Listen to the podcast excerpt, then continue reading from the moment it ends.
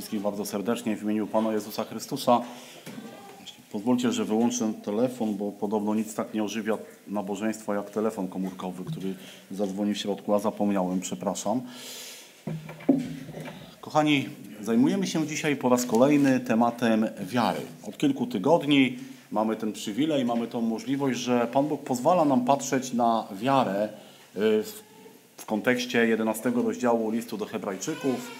Patrzyliśmy sobie na to, co, co Bóg uczynił dla nas. Możemy patrzeć na to, co Bóg chce, żebyśmy żyjąc w, w Nim, z Nim, czynili dla Niego.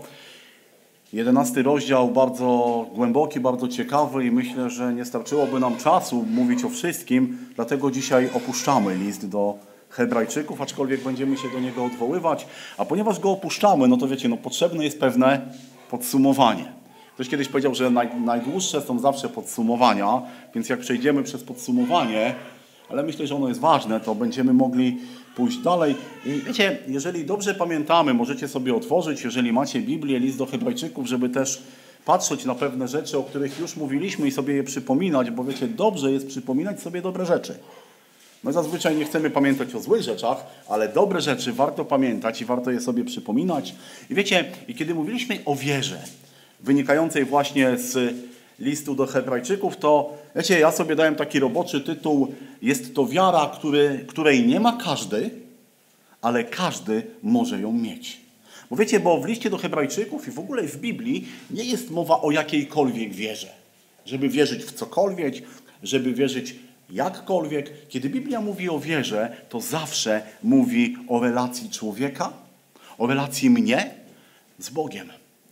Z tym, który stworzy, jest stworzycielem, tym, który jest zbawicielem, tym, który chce być Panem mojego i Twojego życia. Wiecie, kiedy patrzymy właśnie do listu do Hebrajczyków, to zrobiłem sobie takie podsumowanie i powiedziałem, pierwsza rzecz, pierwszy pomysł, jaki mi przyszedł, to jest to właśnie ta wiara, której nie ma każdy. Bo wiara w Boga jest odpowiedzią na Bożą miłość. Bo wiara w Boga zaczyna się od tego, co Bóg uczynił dla człowieka. Że przyszedł na ziemię, że stał się Zbawicielem, że umarł za mój i Twój grzech, żebym ja i Ty nie musiał umierać. Jest to Boż, to jest pierwsza rzecz, jaka wynika z wiary z Biblii. Bóg jest miłością, Bóg kocha każdego człowieka i Bóg okazał to w, w, osobie naszego Zbawiciela, Pana Jezusa Chrystusa. Druga rzecz to jest to, że ta wiara darzy życiem.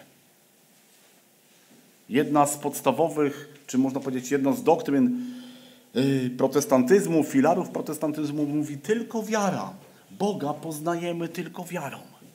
I to jest ta wiara, którą kiedy ją mamy, kiedy ją wyznajemy, kiedy przychodzimy do Boga, to wiecie, to ona zmienia, ona darzy życiem, życiem wiecznym. Bez Chrystusa tak naprawdę co my możemy zrobić? Możemy robić niesamowicie wielkie, wspaniałe rzeczy. Bardzo dużo dobrych uczynków. Wiecie, odznaczać sobie każdego dnia. I co? Co ci to pomoże? Nic. Bo jest napisane w Bożym Słowie, że Twoje uczynki przed Bogiem są jak co? Jak splugawiona szata. Znaczy, jak taka po prostu, nie wiem, no... Nie potrafię tego wyrazić, żebyście mogli, nie wiem, wyobrazić sobie tą obrzydliwość tego mimo wszystko. Takie są, takie są nasze uczynki. Ale ta wiara, która darzy nas życiem przez dzieło Pana Jezusa, jest też wiarą, która zmienia nasze życie. Bo wiecie, bo nikt, kto uświadomi sobie swój grzech, uświadomi sobie Bożą łaskę, nikt, kto przyjdzie do Chrystusa w pokucie, nie będzie już żył takim samym życiem. Bo to jest niemożliwe. Bo to nie jest niemożliwe, żebyśmy poznając miłość Chrystusa, żyli dalej w ten sposób, jakbyśmy Go nie znali. Bo to wiecie, to by była kpina. Ale to jest wiara, która w Chrystusie też daje siłę do tego, że możemy znieść każdą okoliczność w naszym życiu. Bo wiecie, to też nie jest tak, że jeżeli mam wiarę, to ta wiara macie, wie, wiecie, ma taki, nie wiem, to ładnie nazwać, high level, tak? Wiecie, że jest już tak wysoko, że nic się z tą wiarą stać nie może. Nie, bo są takie sytuacje w naszym życiu, że są różne okoliczności, są różne doświadczenia i wiecie, i ta, ta czasem, czasem ta nasza wiara przypomina, wiecie, taką sinusoidę, tak? Tak to się z matematyki nazywa. Nigdy nie byłem dobry, więc nie wiem, czy to jest sinusoida, czy parabola, ale chyba sinusoida. Nie wiem, jak są tu jacyś matematycy, to mam nadzieję, że, że mi wybaczą i mnie poprawią. Ale wiecie, tak właśnie jest nasza wiara. Ona jest taką pewną sinusoidą. I są takie momenty, i wiecie, to nie jest tylko, że to jest w naszym życiu, bo jak popatrzymy sobie do Biblii, popatrzymy sobie na życie wielkich Bożych mężów, to tam też nie było nigdy tylko w górę. Aczkolwiek powinniśmy dokładać wszelkich starań, żeby nasza wiara była, była dobra, godna i właściwa. Ale wracając jakby do tego tematu wiary, która się, które jakby okoliczności się zmieniają, to ta wiara, ta prawdziwa wiara w Boga pozwala nam na to, że nieważne jak są, jakie są okoliczności, nieważne co się dzieje w naszym życiu, nieważne jak jesteśmy, w którym miejscu jesteśmy, to jest to wiara, która zapewnia, że Bóg nad wszystkim panuje. Że bez woli Bożej nic nie dzieje się w moim życiu. Oczywiście wiecie, jeżeli na psoce, na grzesze, to muszę ponieść konsekwencje. Ale to nie jest, ta wiara to, jest, to nie jest nic takiego, że Pan Bóg w pewnym momencie mówi, mam Cię dość. Nie. To jest wiara, która pozwala nam pamiętać, że jest Bóg, który jest zawsze blisko nas i że cokolwiek się dzieje w naszym życiu, z czym się, nie wiem, możemy nie zgadzać, co nam się nie podoba, to ten Bóg panuje nad całą historią. Wiecie, jeden z proroków, jeden z moich ulubionych proroków, prorok Habakuk, no, gdzie to jest w Biblii? No gdzieś jest, musicie mi wierzyć, ale otwórzmy sobie list, y, przepraszam, księgę Habakuka, trzeci rozdział, 17 i 18 werset. Wiecie co, to jest, to jest ta idea, Habakuk tutaj wyraża to wszystko, co ja powiedziałem do tej pory. Jemu to za, zobaczycie, że jemu to zajmie 20 sekund, a mi zajęło to już kilka minut. I prorok Habakuk, który żył w takich czasach, kiedy no, te odstępstwa, historia Izraela, Bożego Ludu nie była w zbyt ciekawym momencie, on napisał coś takiego. Zaiste, drzewo figowe nie wydaje owocu, a na winoroślach nie ma gron, zawodzi drzewo oliwne, a rola nie dostarcza pożywienia, w ogrodzeniu nie ma owiec, a w oborach nie ma bydła. Wiecie, no sytuacja nie do pozazdroszczenia. Właściwie sytuacja, w której człowiek traci wszystko, nie ma wszystkiego, na czym opierał swoje, swoje życie, może swoje zaufanie, swo, swoją egzystencję. Ale dalej czytamy, lecz ja będę radował się w Panu, weselił się w Bogu mojego zbawienia. Wiecie, to jest ta właśnie ta wiara. Cokolwiek się dzieje, cokolwiek w moim życiu mnie spotyka, ja wiem, że Jezus Chrystus jest obecny i będzie mnie wyciągał, i będzie mi pomagał, i będzie ciągle ze mną. Wiecie, to jest ta wiara, która, tak jak powiedziałem, zmienia życie, zmienia perspektywę, zmienia patrzenie. Wiecie, inaczej żyje człowiek bez Boga, który może w pewnym momencie usiąść i powiedzieć: Wszystko jest beznadziejne. Ale nie. Jeżeli żyjesz w Bogu, to nic nie jest beznadziejne, bo każdą okoliczność Pan Bóg może w Twoim życiu wykorzystać ku dobremu. I wiecie, nie chodzi mi o takie dobro, że nagle winogrona obrodziły, pole zasiane, owiec tyle, że jejku, kto to zliczy, jak się liczy te owce, to w końcu można usnąć. Nie, bo to nie chodzi o to. Ale chodzi o to, że Pan Bóg każdą okoliczność w moim życiu może zmienić na swoją chwałę. Byli, byli Boży, Boży mężowie, o których też popatrzymy, którzy w chwilach tak naprawdę beznadziejności, totalnego załamania doznawali Bożego pocieszenia. Wiecie, pierwsza rzecz, jaką mi się przypomina, pierwsza taka osoba to Jonasz. Pamiętacie, gdzie on skończył pewien rejs, gdzie się zakończył jego rejs? W łodzi podwodnej. To był pierwszy człowiek, który płynął łodzią podwodną. W pewien sposób, słuchajcie. On był w brzuchu ryby. Czy tam może spotkać mnie Boża łaska? Co ja, tam, co ja mogę tam dobrego zobaczyć? Co ja mogę tam dobrego doświadczyć? Wiecie? A co? A doznaję Bożej łaski, doznaję Bożego pocieszenia, doznaję Bożego dotknięcia i Bożego, Bożego zbudowania. Nigdy nie, nie jesteś w takiej sytuacji, w której Bóg nie mógłby cię zmienić. I w liście do Hebrajczyków, wiecie, widzieliśmy też y, przykłady ludzi, których Pan Bóg używał i dotknął. Pan Bóg pokazał im swoją, swoją wierność, oni przyjęli to wiarą i Pan Bóg spowodował to, że mogli pewne rzeczy czynić. I rozmawialiśmy sobie o, jeśli dobrze pamiętam, o Ablu, o Henochu, o Noem, o Abrahamie, nie wiem czy o kimś jeszcze, czy kogoś pominąłem. Wiecie, i patrzymy na tych ludzi jako na wielkich bożych mężów. Kto z nas by nie chciał być jak Abraham? Kurczę, fajnie by było. Albo, no nie wiem, jak Noe, albo jak jakikolwiek inny Boży mąż, o którym, którym czytamy w tym liście do Hebrajczyków. Wiecie? Ale co jest wspaniałe, to oni powinni być dla nas w pewien sposób wzorcami, tak? Oczywiście największym wzorcem zawsze powinien być kto? Pan Jezus. Dobrze, sprawdzałem waszą czujność, ale macie rację. Największym wzorcem zawsze jest Pan Jezus. Ale wiecie, patrzymy na pewnych ludzi i mówimy, chciałbym być jak on. Chciałbym mieć to jak on. I wiecie, i ludziom możemy, że tylko powiem, zazdrościć wielu rzeczy. Talentów, innych rzeczy. Ale wiecie, tak naprawdę tego, co powinniśmy zazdrościć. Ja wiem, że to może dziwnie brzmi z kazalnicy, że wzywam do zazdrości, ale możemy zazdrościć, powinniśmy zazdrościć innym ludziom ich wiary, jeżeli widzimy, jak ona jest wspaniała. I wiecie, ale Biblia mówi o Bożych mężach, mówi o ich wierze, ale wiecie, co jest ciekawe, że oni nie byli wcale lepsi od nas. Oni nie byli wcale lepsi od nas. Abraham, Mojżesz wcale nie był lepszy od nas. To był taki sam człowiek. Takie same skóra i kości. Może dłuższa broda, może krótsze włosy. Ale to byli tak samo ludzie, który, którzy stali się dla nas w pewien sposób wzorem po tym, co Bóg uczynił w ich życiu i po tym, jak oni poszli za Bogiem. Bo wiecie, bo wiara to jest pójście za Bogiem. Wiara to nie jest, wiecie, taka, e, jakby to nazwać, no takie myślenie, aha, no dobrze, z tym się zgadzam, to mi pasuje, to tak, to tak, to tak. Dobrze, to znaczy, że jestem człowiekiem wierzącym, bo pewne, pewne, te, pewne rzeczy intelektualnie przyswajam. Nie, wiara to nie jest tylko intelekt. Wiara to jest zawierzenie, to jest zaufanie, to jest pójście za Bogiem. I ci ludzie, którzy, o których czytaliśmy w 11 rozdziale listu do Hebrajczyków, byli ludźmi, którzy poszli za Bogiem. Oni nie tylko intelektualnie się z nim zgodzili.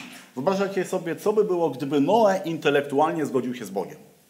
Pan Bóg do niego przychodzi, mówi: Słuchaj, ogrom obrzydliwości, grzechu na tej ziemi tak bardzo mi się nie spodobał, że muszę to wszystko skończyć, ale dla ciebie jest ratunek będziesz, bo spadnie deszcz. Tak się zastanawiam właśnie, czy to Noe, to nie zawsze mnie to zastanawia, czy on wiedział, kto to będzie deszcz, kiedy nigdy tego nie było, ale będzie taki kataklizm, ale ciebie będę chciał uratować. I powiedzcie mi, co by było, gdyby Noe stwierdził, no tak, obrzydliwość jest. Bogu się to nie podoba, no mi też się to nie podoba. No, uratowany będę? Świetnie. Panie Boże, ja się z Tobą zgadzam. Rób tak. I czekam. Ale nie, zobaczcie. Pan Bóg powiedział, ale Ty zbuduj sobie. Tak? Ale Ty coś czyń. I tak samo powiedział do Abrahama, do Mojżesza i do wielu, wielu Bożych ludzi. I wiecie, jakby kończąc już ten, to, ten, ten wstęp, y, otwórzmy sobie list do Galacjan. Drugi rozdział, dwudziesty werset. Znowu, to co powiedziałem przez tyle minut można wy, wy, wyrazić tak naprawdę jednym czy dwoma wersetami. List do Galacjan, drugi rozdział, dwudziesty werset. Myślę, że to jest jeden z najbardziej głębokich, kochani, y, wersetów, według mnie, według mojej skali z Bożego Słowa. Z Chrystusem jestem ukrzyżowany. Żyję więc już nie ja, ale żyje we mnie Chrystus, a obecne życie moje w ciele jest życiem w wierze w Syna Bożego, który mnie umiłował i wydał samego siebie za mnie. Wiecie, to jest ta puenta tego, co powiedziałem. Żyje już nie ja, ale żyje we mnie Chrystus. A moje życie, moje obecne, codzienne życie jest życiem w wierze. Wiecie, i ten werset tak naprawdę ma zastosowanie do do dwóch grup ludzi. Do pierwszej, która jest grupą ludzi, którzy nie znają Boga. No, można powiedzieć w dzisiejszym, w naszych czasach, w naszym kraju to wszyscy Boga znają, tak? Nawet ateiści. Ale znanie Boga nie polega na tym, że ja o Nim wiem, że ja o nim słyszałem, że mam jakąś jego koncepcję. Ale znanie Boga to znaczy, że jestem człowiekiem, który oddał mu swoje życie.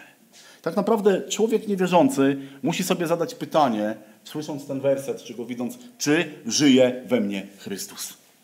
I oczywiście, wiecie, to jest temat na długą teologiczną dysputę. Ale jest jeden taki bardzo prosty test, który sprawdza to, czy żyje w tobie Chrystus. Nie? My żyjemy teraz w czasach, kiedy, przynajmniej jeszcze kilka lat temu, ciągle były jakieś szybkie testy. Tak? Czy jestem chory, czy nie jestem chory. Biblia też daje prosty test na to, czy jesteś człowiekiem zbawionym, czy nie. Prosty test. Jeżeli dzisiaj umrzesz, gdzie będziesz? W niebie? Ok? Czyli to, co do tej pory mówiłem o tym niewierzącym człowieku, ciebie nie dotyczy. Ale to wcale nie znaczy, znaczy, powiem tak, a jeżeli nie możesz sobie odpowiedzieć, będę w niebie, to znaczy, że masz potężny problem. To masz nierozwiązany największy problem Twojego życia. Nie ma większego problemu. Pieniądze, zdrowie, choć bardzo je chcemy, nie jest takim wielkim problemem jak to, gdzie spędzisz swoją wieczność. Jak tutaj powiedzieliście, że w niebie to bardzo dobrze i chwała Bogu, bo znaczy, że jesteście ludźmi, których dotyczy ten werset szczególnie. Bo wiecie, bo to nie jest też tak, że aha, skoro będę w niebie, no to już nic w moim życiu nie muszę robić, nie muszę zmieniać. Zobaczcie, Boże Słowo w liście do Galacjan mówi co? Jest, z Chrystusem jestem ukrzyżowany. Żyję już nie ja, ale żyje we mnie Chrystus. Co to znaczy? To znaczy, że moje dążenia, że moje pragnienia, że mój, moje myśli, moje czyny, moje słowa, moje życie ma być kierowane, nakierowane na Jezusa Chrystusa. Bez tego nie jesteś Bożym dzieckiem. Jeżeli Twoje myśli, cokolwiek robisz, nie zaczynasz od Bożego Słowa, od Chrystusa, od powierzenia Mu się, jeżeli Twoje życie nie jest Twoje codzienne życie, bo wiecie, niektórzy dzielą sobie życie na życie kościelne, i życie codzienne. Ktoś, nie pamiętam, który z polskich, nie wiem, może tu jest jakiś polonista, któryś z polskich pisarzy czy poetów dał taki obraz, że najpierw wszyscy są w kościele i śpiewają wzniosłe pieśni, a potem przechodzą przez ulicę, idą do karczmy i tam śpiewają inne pieśni. Nie wiem, jakaś, jakaś taka, taka wizja mi się tego kojarzy. I wiecie, i tak samo jest czasem może być w życiu człowieka, że tutaj w niedzielę piękne pieśni, Alleluja, Jezus żyje, Pan Cię kocha, a za drzwiami dwie ulice dalej już wygląda to zupełnie inaczej. To nie jest wiara. Chryst, z Chrystusem jestem ukrzyżowany. Chrystus żyje we mnie. Wiecie, to oznacza, że życie w ciele jest życiem codziennym, nie ma duchowego, nieduchowego. Po prostu, jeśli wierzysz w Chrystusa, jeśli jesteś Bożym dzieckiem, to nim jesteś. Koniec, kropka. Czy kładziesz się spać, czy wstajesz, czy jesteś w szkole, w domu, w pracy, na ulicy, w sklepie, w kościele, to nim jesteś. List Jakuba, trzeci rozdział, jedenasty werset, mówi takie słowo, czy źródło wydaje z tego samego otworu wodę słodką i gorzką? No to jest taka, wiecie, to jest taka puenta. Czy moje życie tutaj w kościele, w zborze wygląda inaczej niż w domu, w pracy, w szkole? Wiemy, że różnie to może bywać, tak? Ale generalnie jak to wygląda? Czy moje życie jest nastawione, przesiąknięte Chrystusem? E, my się czasem perfumujemy różnymi fajnymi rzeczami. Jak ktoś ma dobry nos, to z daleka może wyczuć Coco Chanel, nie wiem, Dior, nie wiem, co tam jeszcze jest na topie w tym momencie, Old Spice. Ale wiecie, czy moje duchowe życie, jak ktoś go powącha, czy może powiedzieć, ta wonność to jest wonność dla Chrystusa. Bo to jest, wiecie, to jest pewna ta esencja, ta taka definicja naszej wiary. Tej prawdziwej wiary. Żyję z Chrystusem na co dzień. Tomek Żółtko napisał kiedyś taką piosenkę po prostu z Jezusem żyć. Nie wiem, czy ją kiedyś słyszeliście, czy nie. Bardzo, bardzo piękne słowa, tak? Że po prostu z Jezusem żyć na co dzień, bez wielkich słów, bez wielkich nie wiadomo czego. Po prostu to ma być życiem. Mamy też w naszych śpiewnikach tę pieśń Chrystus jest życiem mym. Tak? Czy to jest, czy to jest, czy to jest twoje życie? Czy to jest moje życie? Wiecie, musimy się nad tym zastanowić. Musimy zastanowić się nad tym, jak wygląda moje życie w wierze. I wiecie, ale wiara ma to do siebie, co mówiłem na początku, że ona posiada takie sinusoidy. I oczywiście naszym zadaniem jest to, żeby naszą wiarę budować. Żeby nasza wiara, nasze zaufanie, wiecie, nie chodzi mi tylko o tą logiczną taką, aha, przeczytałem kilka nowych książek i rozbudowałem sobie mój system wartości dogmatycznych i teologicznych, ale nasza wiara codzienna ma się rozwijać. Jeżeli sobie otworzymy drugi list Piotra, pierwszy rozdział i wersety od 5 do od 5 do 8 przeczytajmy. Patrzę, czemu mi się nie zgadza. To nie ten list. Pierwszy rozdział od 5 do 8 wersetu. I właśnie dlatego dołóżcie wszelkich starań i uzupełnijcie waszą wiarę cnotą, cnotę poznaniem, poznanie powściągliwością, powściągliwość wytrwaniem, wytrwanie pobożnością, pobożność braterstwem, braterstwo miłością. Jeśli je bowiem posiadacie i one się pomnażają, to nie dopuszczą do tego, abyście byli bezczynni i bezużyteczni w poznaniu Pana naszego Jezusa Chrystusa. Wiecie, i tu jest taka wskazówka. Macie, mamy swoją wiarę uzupełniać i rozwijać poznaniem Bożego Słowa, i tymi innymi wspaniałymi rzeczami. Bo co? Bo kiedy je poznajemy, kiedy w nich się zanurzamy, to one powodują to, że coraz bardziej kochamy naszego Boga. Wiara ma być czymś, co ma rosnąć. Wiecie, jeżeli jesteś w swojej wierze w tym samym punkcie, w którym byłeś, nie wiem, wczoraj, no to może nie, dobra, bo to noc była, to może nie, ale tydzień temu, czy w chwili nawrócenia i nie ma swojego duchowego wzrostu, nie ma poznania, nie ma pragnienia poznania Boga, to jak najszybciej wróć do tego, kto jest sprawcą Twojej wiary, bo On będzie sprawcą i dokończycielem. Wiecie, my czasem może mamy coś takiego, że już tak dużo wiemy, tak dużo poznaliśmy, że już więcej mi nie potrzeba. Ale to nie jest tak w życiu z Bogiem, bo każdy dzień z Bogiem jest coraz i lepszy, wspanialszy i inny. Powiedzcie mi, czy czytaliście, macie jakąś ulubioną swoją księgę w Biblii? Ktoś się może pochwalić na, głośno. Ja, ja, poczekajcie, ja sobie zapiszę, a później was przepytam z tych ksiąg, tak? Dobrze, nie, no słuchajcie, ale mi się wydaje, że każdy z, każdy z nas ma jakąś taką ulubioną księgę albo ulubiony fragment w Bożym Słowie, który szczególnie do niego przemawia. Macie coś takiego? No myślę, że takie, bardzo dobrze i chwała Bogu. Całe Pismo przez Boga jest natchnione, ale wiecie, czasem pewne fragmenty do mnie czy do ciebie przemawiają szczególnie. I powiem wam tak, jeżeli macie ten taki fragment, jeżeli macie coś takiego, to jeżeli on was buduje tak samo, albo rozumiecie go tak samo jak w chwili swojego nawrócenia i nic więcej, to nie jest dobrze. Bo jeżeli nad nim pracujecie, modlicie się, patrzycie do Bożego Słowa, to on daje wam coraz więcej. Wiecie, ja się przyznam wam do czegoś.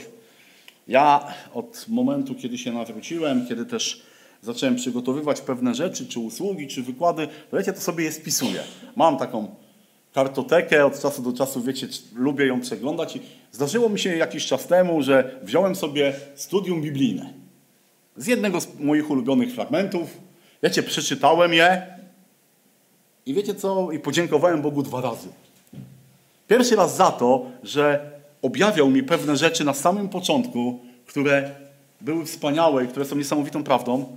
I dziękuję mu teraz, że robiąc to samo mniej więcej, widzę dużo więcej. Nie dlatego, że stałem się bardziej mądry, yy, nie wiem, uczony, więcej przeczytałem jakichś książek, wysłuchałem kazań, ale dlatego, że On do mnie przemawia. Na tym polega wiara. Wiecie, i co rozwija naszą wiarę? No bo powiedziałem, że wiara, no to ma wzrastać.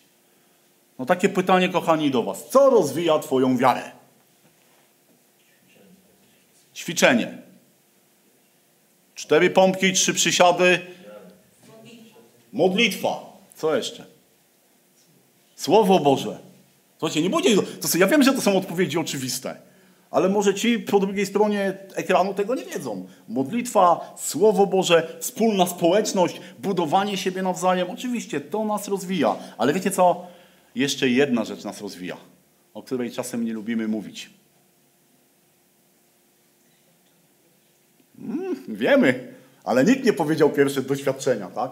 Ale zobaczcie, pierwszy list Piotra, pierwszy rozdział, szósty, siódmy werset. Weselcie się z tego, mimo że teraz na krótko, gdy trzeba, zasmuceni bywacie różnymi doświadczeniami, ażeby wypróbowana wiara wasza, jeszcze raz to przeczytam, ażeby wypróbowana wiara wasza okazała się cenniejsza niż znikome złoto w ogniu wypróbowane ku chwale i czci i sławie, gdy się objawi Jezus Chrystus. Zobaczcie, wypróbowana wasza wiara. Bóg zsyła ćwiczenia, Bóg zsyła doświadczenia. Po co? Nie dlatego, żeby nas, wiecie, docisnąć, chociaż czasem i dlatego. Wiecie, bo jak za bardzo obraśniamy w piórka, to dobra jest, bardzo dobra jest Boża korekta. Ale Bóg zsyła te doświadczenia. Jeszcze dodam, że nie są to doświadczenia ponad nasze siły. Nie? To nie jest tak, że Pan Bóg narzuca na ciebie ileś tam głazów i mówi, to sobie poradź. Nie. On daje te doświadczenia i wie, że możemy je przezwyciężyć, oczywiście nie sami, ale z Nim. Bo wiecie, co robimy, kiedy przychodzi doświadczenie? Co jest naszym, co powinno być naszą pierwszą myślą, pierwszym etapem, pierwszym działaniem? Przyjście do Boga. Do kogo mógł przyjść Jonasz w brzuchu ryby? Tylko do Boga. Do kogo mógł przyjść Jeremiasz, bodajże jeżeli siedział po, właściwie po uszy w cysternie z, z nieczystościami, tak to nazwijmy. Tylko do Boga. A zobaczcie, jak, jakże bardzo często, kiedy przychodzą próby i doświadczenia, my robimy wszystko inne i w pewnym momencie przecież mamy Boga. Nie? Ja mówię, to jest moje powiedzenie, kiedyś takie wymyśliłem, że Pan Bóg powinien być pierwszym kołem ratunkowym, a nie ostatnią deską ratunku. I to jest moje. I powiem Wam szczerze, jestem dumny, że Pan Bóg mi to, mi to też pokazał. Nie tylko, wiecie, tak literalnie, ale przez pewne doświadczenia w moim życiu też mogłem tego doświadczyć. Wiara jest, tak jak powiedziałem, próbowana przez Boga. Wiecie, mamy dokładać wszelkich starań, żeby nasza wiara rosła. No ale pytanie, a co mamy zrobić w momencie, kiedy nasza wiara nie rośnie? Co mamy zrobić w takim momencie, kiedy, wiecie, przypomina mi się apostoł Piotr i taka pewna sytuacja, kiedy płynęli po jeziorze galilejskim, była burza i Piotr, prawda, Jezusa nie ma, nagle Jezus przychodzi i Piotr mówi, Panie, jeżeli to Ty, to co? To pozwól mi wyjść. I co? Idź, chodź, chodź do mnie, mówi Jezus. I zobaczcie, i Piotr idzie, nie wiemy jaki on dystans przeszedł, ale wiemy, że szedł. I co się stało w pewnym momencie? Nagle woda, która, po której deptał, sięga mu do kolan i coraz więcej, coraz więcej. Dlaczego? Bo zwątpił? Dokładnie, bo zwątpił. Wiecie, mi się wydaje, to sobie tak nazwałem, że zamiast patrzeć na Chrystusa, zaczął patrzeć na tą fal, na te wody, które są wokół Niego. I czy my nie jesteśmy czasem podobni w naszym życiu? Czy czasem nie jest tak, że te wody, które są wokół nas, wydają nam się bardziej straszne albo, nie wiem, bardziej silne niż Chrystus? Czy nie jest czasem tak, że ten lew ryczący, który krąży wokół nas, ryknie tak głośno, że jesteśmy zatrwożeni? Nasza wiara słabnie. Nasza wiara ma różne sinusoidy. I wiecie, i chciałbym, żebyśmy dziś sobie otworzyli pewną historię pewnych ludzi. Ewangelia Łukasza, pierwszy rozdział, wersety, tak może dla lepszego kontekstu, od 5 do 20.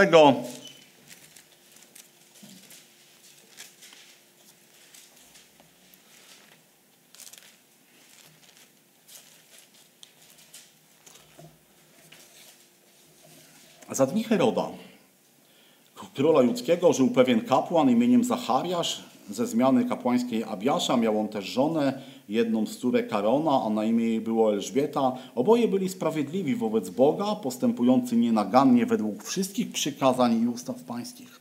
Lecz nie mieli potomstwa, ponieważ Elżbieta była niepłodna, a oboje byli już w podeszłym wieku. I stało się, gdy sprawował służbę kapłańską przed Bogiem w kolejności przypadającej na zmiany, że według zwyczaju urzędu kapłańskiego na niego padł los, by wejść do świątyni pańskiej i złożyć ofiarę z kadzidła. Cała zaś rzesza ludu modliła się na dworze w godzinie tej ofiary. Wtedy ukazał mu się anioł pański, stojący po prawej stronie ołtarza kadzialnego i zatrwożył się Zachariasz na jego widok i lęk go ogarnął. Anioł zaś rzekł do niego, nie bój się Zachariaszu, bo wysłuchana została modlitwa twoja i żona twoja Elżbieta urodzi ci syna i nadasz mu imię Jan. I będziesz miał radość i wesele i wielu z jego narodzenia radować się będzie, albowiem będzie bowiem wielki przed Panem i wina i napoju mocnego nie pić nie będzie, a będzie napełniony Duchem Świętym już w łonie matki swojej. Wielu też spośród synów izraelskich nawróci się do Pana Boga ich. On to pójdzie przed nim w duchu i mocy Eliaszowej, by zawrócić serca ojców ku dzieciom, a nieposłusznych ku rozwadze sprawiedliwych, przygotowując, Pana, przygotowując Panu lud prawy. Wtedy Zachariasz Wtedy rzekł Zachariasz do anioła, po czym to poznam? Jestem bowiem stary i żona moja w podeszłym wieku. A odpowiadając anioł rzekł mu do niego, jam jest Gabriel stojący przed Bogiem i zostałem wysłany do ciebie przemówić i zwiastować ci tę dobrą nowinę. Otóż za nie mówisz i nie będziesz mógł mówić aż do dnia, kiedy to się stanie, bo nie uwierzyłeś słowom moim, które się wypełnią w swoim czasie. Wiecie, mamy tu przykład dwójki ludzi. Ja specjalnie przeczytałem tam ten kontekst, żebyśmy widzieli, kim oni byli, ale nie chciałbym się skupiać na całym tym fragmencie, chociaż też jest on bardzo ciekawy, no bo jest w Bożym Słowie, więc musi być ciekawy, ale na kilku, na kilku faktach odnośnie życia Zachariasza i Elżbiety. I czytamy o nich, że byli sprawiedliwi wobec Boga, że byli tymi, którzy chcieli przestrzegać, pragnęli przestrzegać Jego przykazań. A więc to byli ludzie, którzy, których wiara w Boga nie polegała właśnie tylko na czystej teorii. No, jak Zachariasz mógł nie wierzyć, skoro był kapłanem, tak? No musiał wierzyć. Wcale nie, bo wiecie, bo były przykłady kapłanów, którzy byli totalnie daleko od Boga. Ale Zachariasz był człowiekiem, który wierzył w Boga, ufał Bogu i ta jego wiara przejawiała się jego życiem. I podejrzewam, że tak samo było w życiu jego, jego małżonki. Oni, zobaczcie, oni jeszcze modlili się tak? i przychodzili do Boga ze swoim problemem. Wiecie, to też jest bardzo ważne. No to bez, bez modlitwy to nie ma duchowego życia. Bez przychodzenia do Boga ze swoimi problemami nie ma duchowego życia. Oni byli ludźmi, którzy właśnie w ten sposób przychodzili do Boga. Można powiedzieć, że oni autentycznie, naprawdę kochali Boga. To nie było na pokaz, to nie była tylko teoria. Oni po prostu służyli Mu, razem się modlili i zobaczcie, modlili się o potomstwo przez wiele lat. Nie wiemy ile. Być może tak jak tydzień temu mówiliśmy o Abrahamie, tak, on miał też podobny problem. Też chciał mieć, chciał mieć potomstwo. Było to pragnieniem w pewien sposób jego życia. Nie wiem, czy Zachariasz pamiętał o Abrahamie, kiedy przyszedł do niego anioł i mu powiedział: Będziesz miał syna, nawet imię podał. Nie? Czemu, czemu Zachariasz, który był kapłanem i, że tak powiem, prawo powinien mieć ich historię w małym palcu, zwłaszcza historię Abrahama, nie? zachował się podobnie. Wiecie, tak mi się wydaje, że gdyby do nas przyszedł z tym samym i nam to powiedział, gdybyśmy mieli ten sam kłopot co oni, to też moglibyśmy i pamiętać o Abrahamie i Zachariaszu, ale nie wiem, czy byśmy wierzyli. Bo tacy jesteśmy jako ludzie. Ale oni kochali, Zachariasz i Elżbieta kochali Boga. Oni, wiecie, modlili się o to wiele pewnie lat i wyobraźcie sobie tą sytuację, kiedy modlą się o to i anioł przychodzi i mówi, Bóg powiedział, tak będzie, będziesz to miał. To co? Czym się wykazuje Zachariasz? Niewiarą. Wiara upadła. I mówię, tak bardzo często my też wierzymy, a kiedy przychodzi co do czego, no to ta nasza wiara gdzieś jest, wiecie, taka jak jeden z z ludzi, z którymi Pan Jezus rozmawiał, mówi: Pomóż mojemu niedowiarstwu. I my potrzebujemy też czasem tego, żeby Pan Bóg pomógł naszemu niedowiarstwu. Co jest receptą, co jest odpowiedzią, co możemy zrobić, kiedy nasza wiara słabnie? Zawołać do Boga. Wiecie, myślę, że pierwszą rzeczą w takim przypadku jest modlitwa. Nie ma wspanialszego, nie ma wspanialszego, nie wiem, sposobu połączenia się z Bogiem niż modlitwa. I wiecie, co jest najwspanialsze w modlitwie, że możemy modlić się samemu w każdym miejscu, w każdym czasie. Wspominałem już Jonasza w brzuchu ryby wołał do Pana. Jeremiasz w cysternie wołał do Pana. I pewnie było jeszcze wielu i pewnie pamiętacie, czy z Biblii, czy po prostu może z własnego przykładu, w jakich momentach mogliśmy wołać do Pana i co? I Pan Bóg powiedział, e, nie mam czasu. Zadzwoń później. Esz, teraz jestem na wakacjach. Jak wrócę, to porozmawiamy. Nie, to nie tak Bóg nie działa. Bóg dawał od razu, Bóg dawał odpowiedź. I zobaczcie, jak wspaniale, czy my pamiętamy o tym, bo dzisiaj tematem tego, jakby tego, tej społeczności jest wspólna wiara. Ale ja zmieniłem ten troszeczkę tytuł. Ci, którzy byli czujni w internecie, to wiedzą na wspólnota wspólnej wiary. Bo wiecie, bo modlitwa jest elementem naszej wiary, ale jest też elementem wspólnoty naszej wiary, bo to nie jest tak, że jako ludzie jesteśmy sami w kłopotach z naszą wiarą. Wiecie, zobaczcie, Zachariasz modlił się z kim? Z żoną. I oczywiście jest wielkim błogosławieństwem, kiedy nasze domy są wierzące.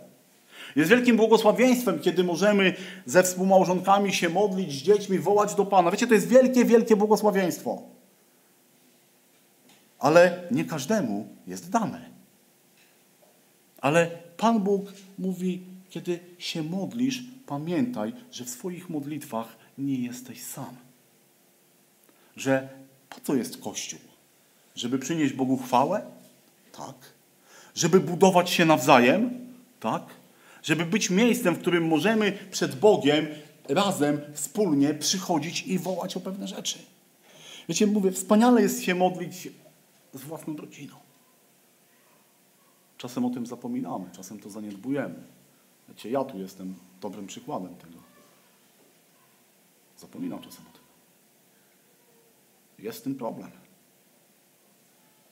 Zawsze też jest wymówka, tak? No bo coś, no ale to, to nie jest żadna wymówka. Ale mamy też możliwość modlenia się ze sobą nawzajem. Bo wiecie, jedno z największych kłamstw, jakie szatan potrafi wpoić w, w wierzącym człowieku, to jest, wiecie jakie? Moja wiara jest moją sprawą. Nie wiem, czy kiedyś słyszeliście taką odpowiedź od kogoś. Moja wiara to jest moja sprawa. Moja wiara to, to jest to, co mm, to jest no, to, co ja mam z Bogiem, a tobie nic do tego. Ale to nie jest prawda. To nie jest prawda, kochani. Bo tak jak Boże Słowo zachęca nas, w, na przykład w Ewangelii Mateusza, ty, gdy się modlisz, wejdź do komory swojej, tak? I powiesz tam, przyjdź do, sam do siebie, do Boga, ale kiedy Boże, kiedy Boże Słowo mówi nam o wierze, to mówi nam o wierze, która jest wspólna dla nas wszystkich. List Judy otwórzmy. Można powiedzieć pierwszy rozdział, no ale tam nie ma, nie ma ich więcej. I zobaczcie sobie, Trzeci werset. Umiłowani, zabierając się z całą gorliwością do pisania do Was o naszym wspólnym zbawieniu, uznałem za konieczne napisać do, do Was i napomnieć Was, abyście podjęli walkę o wiarę, która raz na zawsze została przekazana świętym. I dwudziesty werset. Ale Wy umiłowani, budujcie siebie samych w oparciu o najświętszą wiarę waszą, módlcie się w Duchu Świętym. I wiecie, chciałbym, żebyście zwrócili uwagę na dwie rzeczy. Pierwsza jest, w tym pierwszym wersecie jest powiedziane, że jest to wiara, która została przekazana raz na zawsze komu? Świętym. Nie świętemu, nie tobie, ale świętym. I oczywiście wiemy, że chodzi tutaj o świętych w tym biblijnym zrozumieniu. I ten drugi werset ale wy, umiłowani, budujcie siebie samych. I wiecie, to siebie samych nie odnosi się, że ja mam sam siebie budować. Oczywiście też. Ale to siebie samych odnosi się, że jestem odpowiedzialny za budowanie osoby, która siedzi w zborze w kościele za mną, przede mną, obok, jak najdalej ode mnie, jak najbliżej mnie. Za to jestem odpowiedzialny. Wiecie, kiedy mamy problem, kiedy mamy problem z naszą wiarą czy z czymkolwiek, po to mamy siebie. Pan Bóg ustanowił Kościół, ustanowił społeczność, ustanowił zbór, ustanowił nas tutaj, żebyśmy wołali do siebie, o siebie nawzajem do Niego. W liście do Koryntian, pierwszy rozdział, pierwszy list, 12 rozdział, 26, czytamy takie bardzo piękne słowa. Jeśli, jeśli jeden członek cierpi, cierpią z nim wszystkie członki, a jeśli doznaje czci jeden członek, radują się z nim wszystkie członki. Jeżeli jeden członek cierpi, to co? To wszyscy cierpią. Bo my jesteśmy zborem pańskim. Kochani, nie zaniedbujmy. Nie zaniedbujmy wzajemnego czasu przy Bożym Słowie, przy wspólnej modlitwie. I wiecie, nie, chodzi mi też o taką modlitwę konkretną. O taką modlitwę o siebie nawzajem. O taką modlitwę, w której, wiecie, nie mówimy tylko ogólnych rzeczy. Ona też jest ważna i wspaniała, ale czasem mamy duchowe problemy. Czasem coś nas boli, przeraża, z czymś sobie nie radzimy. Wołamy do Boga i bardzo dobrze, bo Bóg da odpowiedź we właściwym czasie. Ale wiecie, jest taki werset, który mówi: Wiele może usilna modlitwa sprawiedliwego. No to powiedzcie mi, skoro jedna modlitwa sprawiedliwego może tak wiele, to co może modlitwa 20, 30, 50 sprawiedliwych? Jeden Abraham wołał do Boga, tak? I dostawał odpowiedź. No to co będzie, jeżeli do Boga będzie wołać 20, 30 prawie Abrahamów? Jakże to jest wspaniała rzecz, że możemy być razem wspólnotą. Wiecie, my może tego nie doceniamy czasem. Się mówi, no dobra, no idę do, idę do zboru, idę do kościoła, no i kogo tam spotkam? Tego brata, tą siostrę i tak dalej, i tak dalej, fajnie. Ale on znowu mi będzie mówił o tym, że go boli pięta. Albo, że coś mu tam, no. Ale kochani, jeżeli twój brat, twoja siostra przychodzi do ciebie i mówi ci o takim problemie, to to oznacza dwie rzeczy. Że możesz o to razem z tą osobą walczyć, bojować w modlitwie. I nie mówię, wiecie, tylko o fizycznych rzeczach, ale też i o innych. Ale też, że skoro do ciebie przychodzi i o tym ci mówi, to znaczy, że czuje z tobą więź, tą duchową, tą wspomniałą. Tą taką, w której mówi, jesteśmy wspólnie, mamy wspólną wiarę, mamy wspólny cel, mamy wspólnego Boga, mamy wspólną łaskę. Tak jak Zachariasz i Elżbieta modlili się o pewną rzecz. Może wiele lat. Tak samo, kochani, my możemy modlić się o wspólne rzeczy. Bo wiara jest nam dana do tego, żeby się budować. Chrystus buduje naszą wiarę, ale my też jesteśmy odpowiedzialni za budowanie samych siebie. W liście do Rzymian chciałbym przeczytać może już na zakończenie taki dłuższy, dłuższy fragment, który też w pewien sposób spuentuje to, o czym mówiłem. Wiecie, tak zaraz się okaże, że tak naprawdę mogłem przeczytać trzy wersety i, i skończyć w 9 czy 10 minut, ale otwórzmy sobie list do Rzymian, 9 rozdział, 12 rozdział, przepraszam, i popatrzmy na wersety od 9 do 21. Miłość niech będzie nieobłudna. Brzydźcie się złem, trzymajcie się dobrego. Miłością braterską jedni drugich miłujcie, wyprzedzajcie się wzajemnie w okazywaniu szacunku. W gorliwości nie ustawajcie, płomienni duchem Panu służcie. W nadziei radośni, w ucisku cierpliwi, w modlitwie wytrwali. Wspierajcie świętych w potrzebach, okazujcie gościnność, błogosławcie tych, którzy was prześladują, błogosławcie, a nie przeklinajcie. Weselcie się z weselącymi się i płaczcie z płaczącymi. Bądźcie wobec siebie jednakowo usposobieni. Nie bądźcie wyniośli, lecz się do niskich skłaniajcie. Nie uważajcie sami siebie za mądrych, nikomu złem za złe nie oddawajcie, ale starajcie się o to, co jest dobre w oczach wszystkich ludzi. Jeżeli, jeśli można, o ile to od was zależy, ze wszystkimi ludźmi pokój miejcie. Najmilsi, nie mścijcie się sami, ale pozostawcie to gniewowi Bożemu, albowiem napisano, pomsta do mnie należy, ja odpłacę, mówi Pan. Jeśli tedy łaknie nieprzyjaciel twój, nakarm go, jeśli pragnie, napój go, bo czyniąc to, węgle rozżarzone zgarniasz na jego głowę. Nie daj się zwyciężyć złu, ale zło dobrem zwyciężaj. I wiecie, i to mi się wydaje, że to jest taka wspaniała puenta tego, co, co daje nam życie w wierze. Właśnie to wszystko ono ma nam dawać. To wszystko my mamy oddawać Bogu. Zobaczcie, tu jest mowa o naszym, że tak powiem, osobistym życiu, o zborowym, ale i o tym, które jest poza kościołem, poza, poza, poza zborem, gdzie się spotykamy. Jeżeli to od was zależy, pokój miejcie z ludźmi. Wspaniała rzecz. Słuchajcie, to jest naprawdę niesamowita rzecz, której my może czasem nie doceniamy właśnie jako ludzie, że mamy wspólnotę. Wspólnotę wiary, wspólnotę modlitwy. Czasem, wiecie, mamy takiego ducha, takiego może właśnie niewiary czy sceptycyzmu, ale po co ja o tym będę mówił? Właśnie po to, że jesteśmy jednym ciałem. Że czasem widzimy naszych braci, naszych siostr, którzy coś ich trapi.